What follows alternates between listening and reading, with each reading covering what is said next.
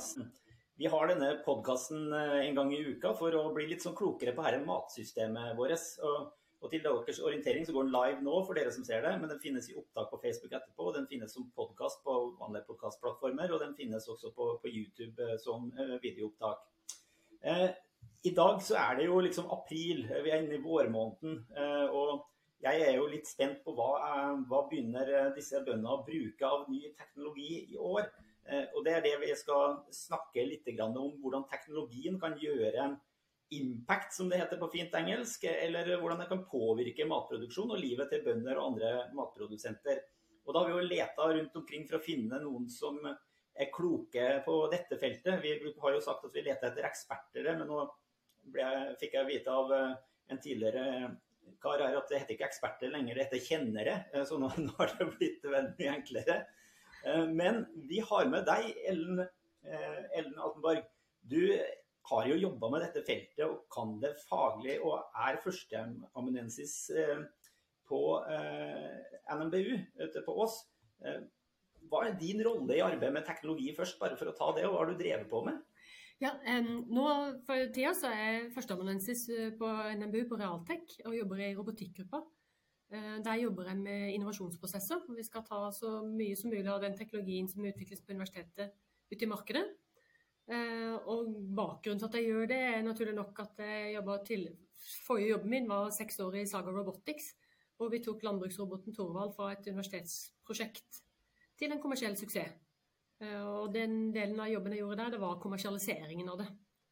Eh, så du er ikke bare akademiker, egentlig? Du har virkelig nede, hatt fingra nede i grøten og, og, og jobba med Agritech og startup-selskaper eh, rent kommersielt? Ja, den jakka har hatt på, altså. Så det at jeg er akademiker, det er noe helt nytt.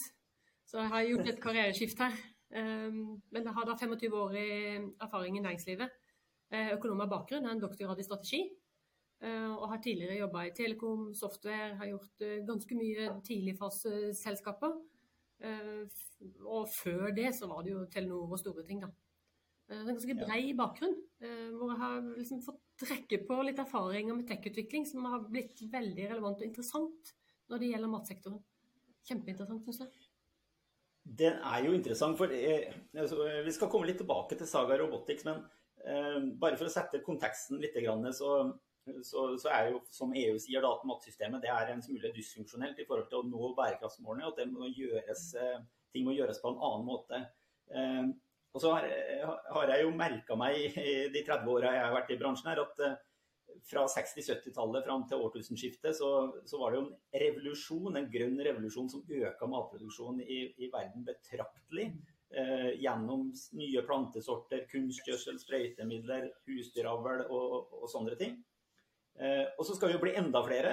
Eh, 10 milliarder, 11 milliarder sier noen i 2050. Så vi har jo fortsatt behov for å bedre tilgangen på mat og øke matproduksjonen noe. Eh, men vi vet jo eh, også at eh, en del av de produksjonsmetodene vi har brukt, eh, fører til avrenning, miljøforurensning, klimagassutslipp. Ja, lista over alt som er gærent kan jo bli, bli ganske lang og vond.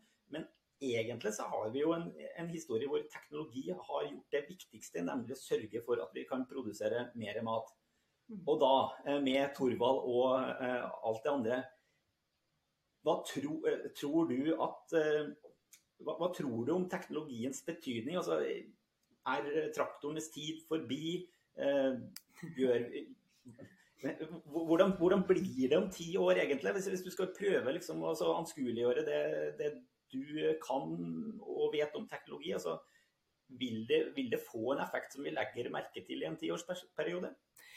Å ja, det tror jeg. Når jeg begynte å jobbe med landbruksrobotikk, um, så fikk jeg litt den samme følelsen som jeg fikk når jeg på midten av 90-tallet begynte å jobbe med Telekom. Og da var det en fastnettverden, faktisk. Og som fasttelefonen liksom var grå, den sto i en tren og måtte snakke fort for dyrt, liksom. Uh, og så så vi på mobil og internett som ny teknologi som kom, og så bare sånn Oi, det kommer jo til å forandre alt. Det koster en liten brøkdel eh, å lage et mobilnett i forhold til et fastnett. Det er veldig, veldig mye billigere. Og det du kan gjøre over internett, er jo veldig mye mer enn liksom, den enkle telefonsamtalen du kunne gjøre på, på fastnett. Eh, og det var faktisk veldig synlig den gangen. Eh, og jeg har akkurat den samme følelsen nå. Det er en sånn type teknologi, så, sånn som Thorvald, det er jo mye bredere teknologifelt, da, selvfølgelig, men bare for å ta Thorvald som eksempel. Så en liten, lett, intelligent robot som kan gjøre forskjellige oppgaver, um, kommer til å forandre alt. Uh, men det kommer sikkert til å ta 20 år, det også. Jeg har hatt mange bønder som har spurt meg liksom sånn, ja, hva med traktoren? Blir traktoren borte nå? Det tror jeg ikke skjer med det første.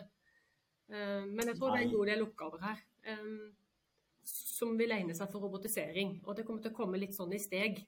Det, blir ikke sånn fra, det er ikke fra den ene dagen til den andre. Og det kan vi kanskje si litt mer om, hvordan den prosessen kan se ut.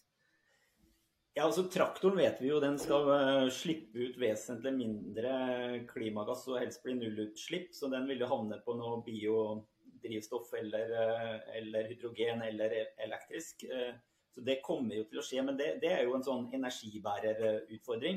Eh, hvis vi vil bruke da eh, nå bildet eh, av roboten Torvald fra Saga Robotics som, eh, som, et element eller supplement til traktorparken. Eh, eh, ja, Vi må nesten si litt om, om, Thorvald. Det kan jo hende at det er noen som ikke helt vet hva det er. men Kort fortalt, sånn som jeg har forstått det, altså vi, vi eller dere ute på NMBU har laga en selvgående, eh, selvgående, robot eh, som kan gjøre arbeidsoperasjoner i jordbruk og matproduksjon. Eh, den er kommersielt tilgjengelig nå. Produseres for spesielt England, hvis jeg har forstått det riktig. Ja, det største. Og, ja, og gjør en del kule arbeidsoperasjoner. Mm. Er, det, er dette en stor industriell uh, revolusjon fra, fra, Norge som uh, kan bre seg om i Europa, eller er det en sånn ja, eh, Er det en think-historie, altså be and think? Er det, er det, en sånn greie at vi, vi har laga noe som er unikt, som, som, etterspørres nå, men som vi kanskje ikke klarer å foredle? Ja, og der, der, var litt mange spørsmål i ett. La meg begynne der du slutta, på Sink den gangen. altså Norge lagde jo en av de tidlige elbilene, faktisk. og så ble ikke det Tesla. Um, og så kjenner ikke jeg den historien veldig dypt, men det jeg har sett siden den gangen, så har det si, økosystemet i Norge som er satt opp for å kunne utvikle, starte nye bedrifter og utvikle nye bedrifter, løfta seg noe kraftig. Jeg har fulgt det siden tidlig i 2000-tallet, eh, og det er virkelig blitt noe annet. Eh, vi har et veldig godt system nå for å ta frem tidligfaste selskaper med både tung og lett teknologi. Eh, og jeg ser også nå at det bygges ganske god kapasitet til å skalere disse selskapene. Det vil du også se hvis du ser på hvem det er som investerer nå. Det er tunge, kompetent kapital som ligger bak nå, og som har skaleringskompetanse. Eh, så skal jo ikke jeg love at ikke den skal se en Tink-historie igjen, men forholdene ligger veldig mye bedre til rette nå enn de gjorde den gangen. Um, og til oppsummeringen om hva Thorvald er, så var det en veldig god beskrivelse. Og Det er jo samme ideen som en traktor. Eh, det er et, det er jo bare en bærer. Og så setter du et verktøy på den, og så gjør den en jobb. Det er jo samme som en traktor. Den gjør jo ikke jobben i seg selv. Du setter jo på et verktøy. Og de designideene som var rundt Torvald, var jo det å gjøre den modulær, så den kan passe inn mange steder og kan gjøre mange ulike oppgaver. Sånn at du kan få den opp i stort volum, så den kan bli billig. og det er mange andre som har tenkt på også, å lage den type robot. Det er få som har lagd den modulær foreløpig. Vi får se hvordan det kommer til å spille seg ut. Um, men, de markedsmulighetene som ligger der, er jo enorme. Ja, la oss ta litt, uh, litt om de markedsmulighetene. Uh, jeg vet jo at Pål From og teamet hans liksom løste en oppgave for en jordbærprodusent. Myrenheten er vel ute på i jordbærproduksjon. Mm. Men det er jo en sånn utviklingsfase som, som er interessant nok i seg sjøl. Men nå selger jo Norge og eksporterer selvgående landbruksroboter, altså kanskje framtidens traktortype, til andre land. Og England er et av de, men det er kanskje flere også. Mm. Hva, hva er det som, eh, som, treffer et sånt marked som England eh, i det som eh, den norske roboten skal gjøre. Det, det høres jo helt crazy ut at, at vi skal fra, fra NMBU, utdanningsinstitusjonen på, på oss, at vi, vi, skal liksom eksportere roboter i 2023. Men det, det skjer jo. Nei, sånn selvtillit skal vi ha, altså. Snakka med en av forskningssjefene i Driscoll en stund tilbake og sa hva er det med dere? Da hadde hun tre norske startup-selskaper som lagde noe som hun var interessert i å ha til altså, hva, hva, driver dere med i Norge som får dette til? Så jeg tenkte ja, ja vel, men jøsse vi har jo fantastisk god teknologi og vi har system til å få det opp, så hvorfor ikke? Um, og det som var bakgrunnen for uh, å egentlig lande litt i England, var vel at um, arbeidskraftmangelen i jordbruket er enorm. Eh, og du hører ikke så mye om det i Norge, for vi har ikke, problemet har ikke liksom ramma oss like hardt som det har i andre land. Så eh, engelske myndigheter og industrien i England satser veldig hardt på å få robotisert. Eh, fordi de får ikke tak i folk. Dette er ikke noe lite problem, dette er et monsterproblem. Det problemet var der før eh, krigen i Ukraina, det var der før brexit, det var der før covid. Altså, det har vært der lenge. Det er et underliggende strukturelt problem. Eh, så de er veldig motivert for å få automatisert oppgaver. Eh, så, ja, så rett og slett tilgangen til arbeidskraft som utfordring. Og jeg har kanskje oppfatta at det, det, problemet oppsto med brexit, men du sier at det, det var noe de var klar over før det, ja. Riktig. Så her har vi en sånn litt sånn parallell til helsevesendebatten i Norge, hvor vi nå da sitter og roper at her blir det her trengs det flere hender, men det er kanskje ikke flere hender man trenger. Det er, det er Kanskje jeg vet ikke hvordan du skal få tak i disse hendene, men jeg vet hvordan du skal få lagd roboter. ja. Men, men, men, du nevnte jo også um, litt sånn fort Driscoll, og at de jobber med to andre norske startup-selskaper. Mm. Jeg syns vi skal pløye litt i det. Altså, først Driscoll. Det er jo ikke en liten aktør på matområdet. Det, si litt hvem Driscoll egentlig er. Altså, hva kan jeg tallene, da? Uh, det må jo være bortimot verdens største bærprodusent. Eh, nå vet jeg, kan jeg ikke Kina, liksom, men eh, det er en betydelig aktør på, på bær og frukt. Eh, og driver frem både utviklingen av sorter og teknologien ganske kraftig.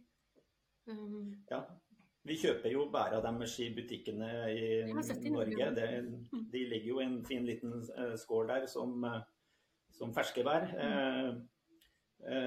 Men, men de da har funnet ut at eh, både Saga Robotics med den, eh, de arbeidsoperasjonene som den kan løse, og et par andre selskaper ja, det, i Norge er eh, Som nettopp bytta navn fra Plantsauna til Å, nå står det stille, da. Som Simen Myhren og Tim har etablert. Har jo sett nettopp at de også har solgt til Driscolls en løsning hvor du damper jordbærplantene før du setter de i jorda, så du setter de ned uten sykdom. Som er komplementær til Saga Robotics sin UV-belysning av plantene. Ja for sykdomskontroll. Men eh, når en sånn aktør som, som, som Driscoll, da, både i forhold til Plant Sauna Eller husker ikke det nye navnet på selskapet. Der var jo nesten, nå, får vi, nå får vi kjeft av Simen. Ja, uh, men sånn er det jo når man skal skifte navn. Uh, uh, men, men altså, Driscoll ser mulighetene i de to teknologiene. Og da er det jo utstyr som skal produseres. Eh, og det er her vi kommer, jeg kommer litt inn på, eh, på parallellen. For eh, det var jo en bra elektrisk bil for sin tid. Men er det sånn, sånn med, med si, den industrielle siden, altså produksjonen av disse maskinene kan dette bli også en betydelig sånn arbeidsgiver, eh, industriell virksomhet i Norge, eller er det, er det sånn at vi er teknologiutviklingsland og ikke så mye industrialiseringsland? Hva, hva tenker du om det? Det er det andre enn meg som kan svare bedre på, men Thorvald-roboten produseres jo nå hos Vestkontroll i, eh, i Egersund. Eh, og det var jo et anbud i internasjonal konkurranse, det. Så det er jo ikke umulig.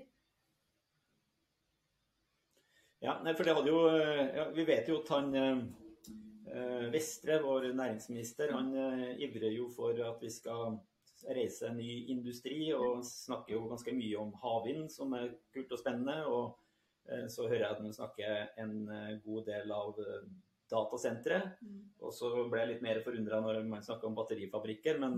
Det er mulig noe, noe, der jeg ikke har forstått. Men jeg syns ikke han snakker like mye om skalere opp dette som er i utgangspunktet smått. Det, det, er liksom industri fra politikernes side. Det synes å være sånn svære investeringer som blir hjørnesteinsaktører eh, med en gang. Mens det, det å jobbe med oppskalering skulle jeg likt at de snakka mer om.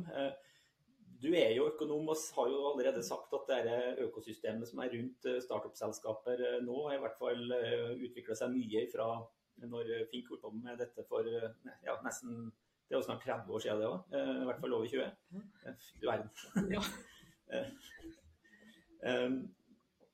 Eh, hva, er viktig da for, for sånne selskaper som, eh, som, som Saga Robotics, N2 Applied, Green Cap Solution, som fanger karbon? Og, hva skal til for at vi liksom klarer den der oppskaleringsbiten? At vi ikke, ikke ender opp med å eksportere ideene, patentene og teknologien, og ikke får mer enn det eh, igjen?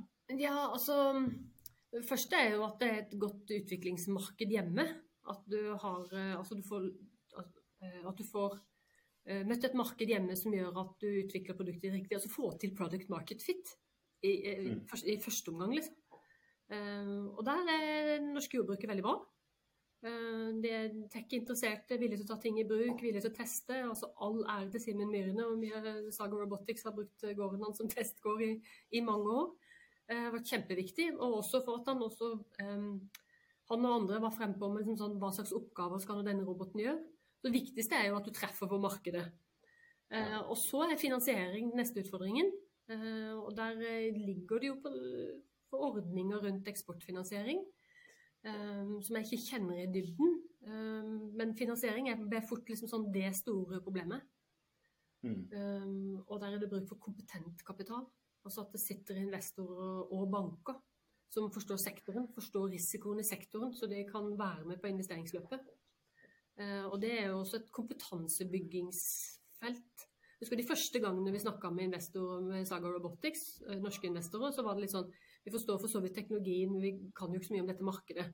Vi kan eh, olje og fiske og eiendom. Så. Ja. Men det har forandra seg over de åra. Det har forandra seg ganske mye.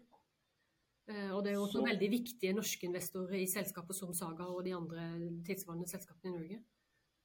Um... Så de kapitaleierne som du har møtt i løpet av de siste ti åra, vil du si har eh, begynt å lære seg å forstå mer av liksom landbruks- og matmarkedet som et, eh, et marked for å, å, tjene penger på teknologiutvikling? Ja, de norske. Ja. møtte vi mange internasjonale investorer.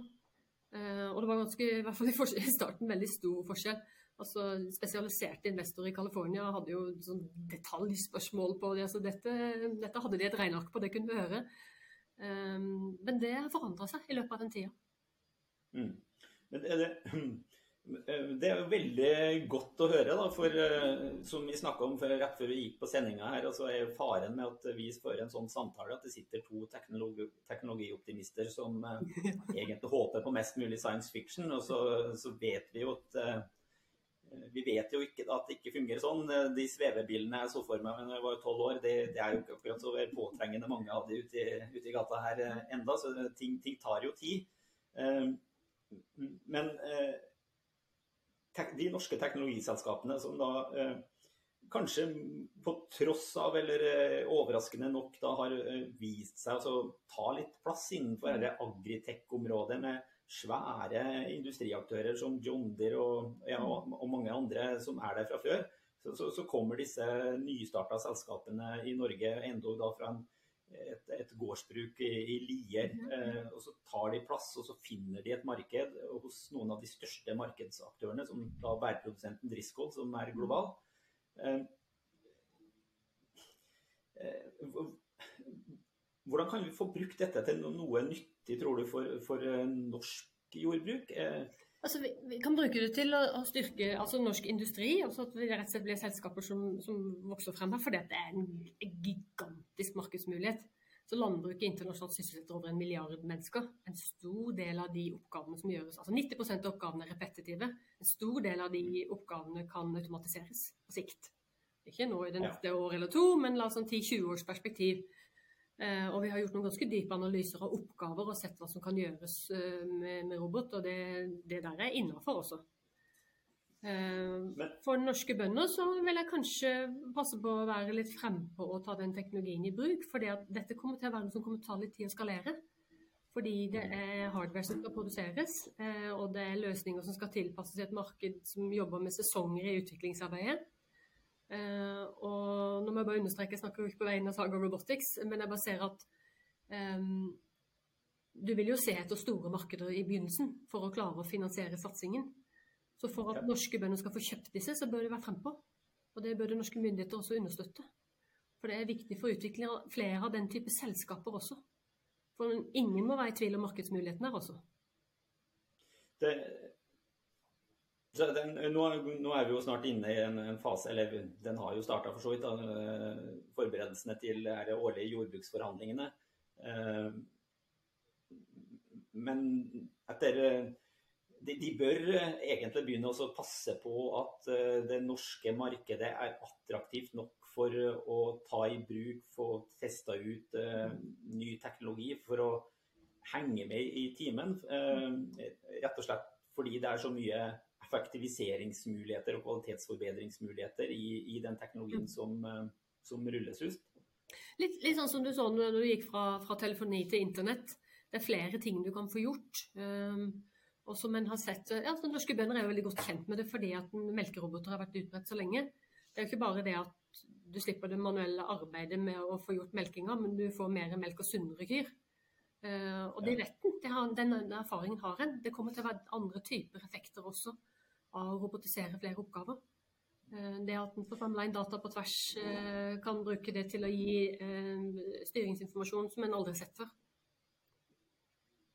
En ting som jeg har blitt arrestert på noen ganger, er jeg er teknologioptimist. Det er da Eh, erfarne, forstandige bønder og industriere som sier at eh, ja, ja, det, er, eh, det, vil alltid komme ny teknologi som gjør det mulig å effektivisere bedre. Og det er per def en ulempe for norsk landbruk, fordi vi har ikke noen sånn storskalamuligheter. Og all teknologiutvikling fører til enda mer storskala. Gårdene blir større, jordene, fjøsene. Ja. Men er det egentlig riktig? når du ser på den type løsninger som utvikles nå? Altså, så det vil kanskje være forskjell på hva slags gård man snakker om. Om det liksom, du er inne i radkulturen eller om du er ute på de store kornåkrene. Kan tenkes at det løpet her blir ganske forskjellig. Uh, men jeg tror at kanskje på kort sikt vil det være en fordel å jobbe med de store, men på lengre sikt så snakker vi om små maskiner og systemer som lærer på tvers. Uh, så du, både, du vil ikke trenge så stor gård for å kunne utnytte fordelene. Og du vil kunne ha læringseffekter på tvers av gårder. Eh, for det å drive en bitte liten gård, du vil jo fort få en kompetanseutfordring med å holde seg oppdatert på alt som skjer. Hvis det er mer av den, det ligger i systemet, eh, samtidig med at maskinen er liten, så vil du altså Du kan ha en gård med én maskin, liksom. Så tenker jeg at ja, det, det, det kunne lønne seg å drive de små feltene igjen. Det det høres jo ut som at eh, altså når, når, du får autonome maskiner som gjør ulike arbeidsoperasjoner, eh, og de blir mindre, og de går hele døgnet, eh, de klarer seg sjøl. Det klarer seg sikkert ikke helt uten tilsyn eh, i praksis, men, men, men, det gir jo en mulighet for å redusere størrelsen på ting. Du trenger jo ikke ha den absolutt tyngste landbruksmaskina hvis du kan ha en som styrer seg sjøl. Nei, jeg tror, jeg tror, heller ikke det, altså. Men vanskelig å si. Ja, får håpe at uh, Vi får, får, håpe disse landbrukspolitikerne uh, følger med på, på teknologiutviklingen og ser sin, uh, sine muligheter i den retningen. Ja, også, også bønder må, må, retenke litt. For det, du snakker, en, du snakker med en bonde om driften, så, så, i hvert fall meg som økonom, da kjenner liksom på en måte de regnearket de har i huet på hvordan de regner ut kostnadsbildet sitt. Eh, men du, veldig mye av det eh, er jo bygd opp av den kostnaden det har en person som kjører traktoren. Så fort du tar bort den revisjonen, så er det ikke bare liksom nivået, men noe av strukturen også. Det regnearket forandrer seg litt da. Um, ja. Så jeg tror vi får, Det vil sikkert ta litt tid, men vi får se noen ganske grunnleggende endringer. Som jeg er optimist på. Veldig optimist på. Men vi sitter, som du sier, det er to teknologioptimister som sitter her. Men jeg klarer på en måte ikke se for meg at ikke det skal bli sånn heller. Eh, tilbake til den parallellen med det en så for mobil og internett. Det var faktisk ikke så veldig vanskelig å se. Nei, og det gikk, det, det gikk jo ganske fort fordi eh, altså, en smarttelefon, når du først fikk presentert den, så, så var det sånn hva, hva, trenger vi den til? Mm. Eh, når vi fikk mobiltelefon, så var det sånn ja, hva trenger du den til? Sitte i bilen og ringe hjem og si at du kommer snart til middag. Liksom. Det mm. var liksom ikke Man måtte jo ikke ha den. Men, uh, og måtte ikke ha smarttelefon. Men, men, den gjorde jo livet både lettere, spennende, gøy. Uh, også litt dummere med en del ting som er rent sånn fritidssysler. Uh, ja da. Ikke bare på alt sammen. Eh, men eh, sånn er det jo med, med agriteknologi og nye løsninger der også. Hvis, hvis, det er noe som gjør livet lettere for, eh, for bonden, produktet bedre for forbruker, så, så, kan det jo virkelig gå fort. Fordi det, sånn, det har en sånn snev av disruptiv eller sånn banebrytende effekt. Mm. Så, hvis du først har venta til at du du, du, styrer gården din med at du, liksom sånn, du, har, du, har, telefonen i handa og du vet at den vanningsvogna vanner som den skal nå. Så vil du ikke tenke deg det å ikke ha kontroll på det lenger. Det er blitt utenkelig å ikke ha mobiltelefon nå. Nei, og det er jo heller ikke sånn at når vi sier disse tingene her, så er det liksom en sånn uh, rar framtid som vi beskriver. Mye av dette er jo hverdagen for bønder i dag. De, de går jo rundt med telefon og bruker den til både styre fjøset og, og uteaktivitetene allerede. Så, så, de er jo absolutt med i oppstarten av, av endringen her. Mm. Men eh, til, til Jeg har lyst til å se jo tid og sånt flyr også, men eh, når du har jobba med Telekom, så, så, kan du jo mye mer om data og datatrafikk enn det det, det jeg egentlig kan. Men det jeg i hvert fall har forstått med, med, med roboter, autonome løsninger, Eh, kunstig intelligens, eh, det er jo at eh, de både genererer mye data, vi bruker sensorer for å samle inn mye mer data. Disse dataene kan brukes til mye fornuftig, sikkert mye gærent også. Hvordan er vi rigga eller forberedt på å ha en infrastruktur som gjør det mulig å ta ut hele potensialet og den, den svære dataflyten her? Torvald må jo snakke med noen andre maskiner for å få til å gjøre mest mulig, vil jeg tro. Eh, hva sier en sånn eh, mobilekspert om dette? Vi, har vi rett type infrastruktur og rett type samarbeid mellom privat og offentlig sektor i forhold til alle utfordringer knytta til datatrafikk og eierskap til data? Ja, sikkert en jobb å gjøre her, selvfølgelig. Men eh, for meg så virker det på en måte ganske rett frem løp. Altså, det er jo allerede dekning på jordene, det er jo helt fantastisk. Um, og når du da har en, en autonom maskin, eh, så blir terskelen for å sette liksom, systematisk datainnsamling på den mye lavere. Eh, og få samla det inn. Og så er det et stykke jobb å gjøre å hente verdi ut av de dataene. Eh, det første og enkleste å gjøre er å, å predikere avling, f.eks. Hvis du kan få det nøyaktig, mer nøyaktig på tide og mengde, eh, så har du en stor eh, verdi skapt. Og det neste vil jo være å spotte tidlige tegn på sykdom. Og da må jo planteforskerne håndtere den store datamengden som kommer her. For det blir jo enorme datamengder bildedata, veldig mye av dette. Så du må ha metoder for å indeksere. Har du tidlig symptomer på sykdom, så kan du komme tidlig til en behandling. Og da har du egentlig basis for presisjonsjordbruk. Altså ekte presisjonsjordbruk. Så det du kan se når du kjører forbi plantene at mm, den der, der, der, er vel et tegn på at uh, her er det noe på gang, liksom. Her sprøyter jeg litt, eller et eller annet. Um, det um, det er et ganske rett frem løp å gjøre. Det, um, det, er, det, er, ikke der du føler det ligger en sånn uh, den største barrieren? Nei, men det er litt jobb. Ja. Det er litt jobb, altså.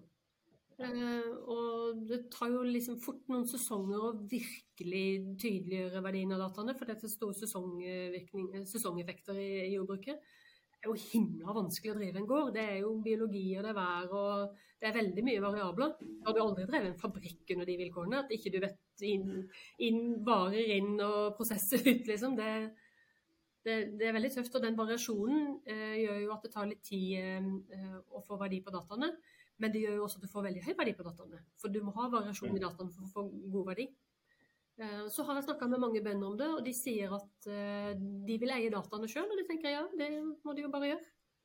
Eh, men det vil jo være en fordel for alle om noen får lov å sammenligne disse dataene på tvers. For du kan få læring på, litt under litt forskjellige forhold. Og det tror jeg er et, egentlig et kommersielt spørsmål. Ja. det, det, er i hvert fall naturlig at det er kommersielle interesser som undersøker den, den biten. Men uh, jeg har jo sansen for, uh, for bønder som er seg bevisst på at dataene kan være, ha en verdi. At de dermed ikke automatisk skal la de som har lyst til å bruke de, bare få de. Så det, det, det bør de holde på. Men hvis hvis de holder så på det at eh, de ikke har noe verdi for dem ikke deler med noen, så er det jo heller ikke noe stort poeng. Så Nei, jeg håper ikke det blir sånn bedre eh, kunnskap ut av å altså, alle jordbærbøndene på hele Østlandet f.eks. Da vil de jo vite veldig mye mer om effekter av dyrkingsmetoder enn du bare ta én gård. Egentlig så har jo norske bønder en i særstilling eh, vist å takle seg dere gjennom si, den samvirkeavlsmetoden som de har praktisert. For der har jo alle stilt husdyra og data sine til disposisjon for et fellesskap. Eh, og så har ingen drevet på toppa eller hatt anledning til å bli kjemperike på å selge enkeltindivider superdyrt. Man har samarbeida om uh, avlsforbedringen, og det er ikke så ulikt uh, tilnærming, egentlig. Fra det, Nei, det er ikke sånn dataverden er. Liksom, data er jo åpne, og vi deler. Eh, og så har de jo det i Norge at uh, norske bønder har permanent unntak fra konkurranseloven. Så de får jo lov å samarbeide. Ja. Uh, og det merker du når du snakker med norske bønder versus engelske, f.eks. Mm. Som gjør at den, uh, kanskje forholdet egentlig ligger veldig godt til rette til å hente ut den verdien det er å lære data på tvers. Ja, det, kanskje vi rett og slett skal få laga et sånt datasamvirke her på primærnæringa fortere enn svint. og så utnytte de kommersielle mulighetene som en inntektskilde for, for eh, jordbruket. Det hadde vært gøy hvis det var, var mulig. Eh, men Ellen, jeg tenkte på til slutt her eh, følge opp et, en ting som du sa. Og du må jo bestemme hva du kan si, for her kan jo være forretningshemmeligheter for alt jeg vet. Men du snakka om sånn arbeidsoperasjoner som er modne for, for automatisering eller bruk av teknologi hvis jeg ber deg nevne eh, tre-fire eksempler på ting som du tror eh, det er sannsynlig at eh, man har fått en ny teknologisk løsning på i, om godt ti år, da, altså i 2035, altså vi er litt ute i, i 2030-tallet som, som, ja, som, er selvfølgeligheter da, men som ikke kanskje nødvendigvis er selvfølgeligheter i dag. Eh, hva, hva, ville du i så fall nevnt? Om ti år, hvis jeg da kan få lov til å snakke om jordbær, som er det liksom har gått litt i dybden på. Ja, det kan vi godt gjøre. Ja, om ti år så er det eh, så vil det være roboter som eh, ikke bare liksom gjør sånn som Thorvald gjør nå med UV-lys, altså sykdomsbekjempelse, men sprøyting der hvor det trengs. Eh, klippeavleggere. Eh, spre nyttedyr, eh, helt åpenbart. Plukker jo bare. Og om ti mm. år så ser det som Sintef jobber med nå. Sintef jobber med en sensor som kan kunne måle søthet i bæra uten å stikke hold i dem. Eh, det er vel en sjanse for at de får til innen en tiårsperspektiv. Så ikke bare plukker jordbær, men plukker de etter søthetsgrad. Så du kan få ut i butikken liksom sånn garantert søte bær. Eller, mm. altså du kan rette seg selv på kvalitet. Um, de, ah, de aller fleste oppgavene, rett og slett. Så, så den eh, eh, Hvis vi får en pandemi da, i, eh, om godt over ja, 2034, så, så ja. vil ikke det ha den effekten på, hos jordbærprodusentene som forrige pandemi hadde. For da, da er mye av arbeidsoperasjonene i jordbærproduksjon automatisert. Og vi trenger verken billig arbeidskraft, og vi får løst oppgavene bedre ved å bruke automatiserte løsninger som Torvald eller andre eh, løsninger har fiksa for oss. Det, ja, det må vi forberede oss på. Spesialistkompetanse på, på å drifte den type, altså den type gård, egentlig. Men eh, ja. altså, jobber plukkere fra Øst-Europa og Asia tror jeg, da, tror jeg faktisk ikke vi har bruk for om ti år. Nei. Eh, og, de eksemplene du nevner her, det, det er jo selvfølgelig spesifikke på noe som du har, eh, har innsikt i, men, men, det er jo generelle i seg selv. Ja, det, det er jo generelle løsninger. Jeg har veldig lyst til å jobbe videre på det og komme til å se etter partnere på noen forskningsprosjekter på det å gå gjennom, gjennomanalysere flere, eh, flere typer avlinger for å se på hvilke oppgaver og hvilken rekkefølge de vil egne seg for automatisering. Eh, mm. Det varierer veldig, eh, og hvilke muligheter som ligger der. Um, og se på hvordan vi da kan få ned den utviklingskosten det er å få opp denne teknologien. Så at vi kan komme raskere ut og mye billigere ut med ny automatisering i hele matsektoren. Så det er en ambisjon vi har for uh, nye forskningsprosjekter fremover på NMBU. Som vi kommer til Veldig bra. å ringe rundt etter partnere for. ja, det, jeg skal sende dem i din, eh, din retning hvis jeg kommer, eh, kommer over noen. Men, men jeg, jeg, tror jeg faktisk har lyst til å slutte av der, fordi du ble du ble jo veldig konkret her når du dro opp de eksemplene. Eh, kanskje mer konkret enn jeg for, eh, så for meg også. Eh, men, men altså, til dere som hører på, da. Altså, det som forestiller seg at det er noen helt andre forutsetninger for lønnsomhet i en matproduksjon, om det er på industrien eller på primærnæringa, det er egentlig ikke enkelt. Men nå fikk vi et eksempel om, om, 20, om 10 år eller mer sånn 10-15 år, så vil vi ikke trenge fremmedarbeidere på jordbæråkrene sånn som de er da. Eh, det er en sannsynlig utfall. Eh, hvis man er i tvil om det England og Driscoll, som har i hvert fall store operasjoner i California, eh, de bruker eller søker den teknologien som da norske miljøer har utvikla, for å nettopp komme i den posisjonen hvor de slipper å ha den avhengigheten av billig arbeidskraft og, og, og, og lettere bekjempelse av sykdomsbilder. Det, da, da, er, da er en gjort et stort jafs inn i en bærekraftig retning som i hvert fall jeg blir fascinert og inspirert over. Så, så hvis du Ellen, da sørger for at dette blir rulla ut sammen med gode investorer på de andre produksjonene like raskt, så, så har jeg tro på at jeg har lyst til å være med i denne, denne framtiden.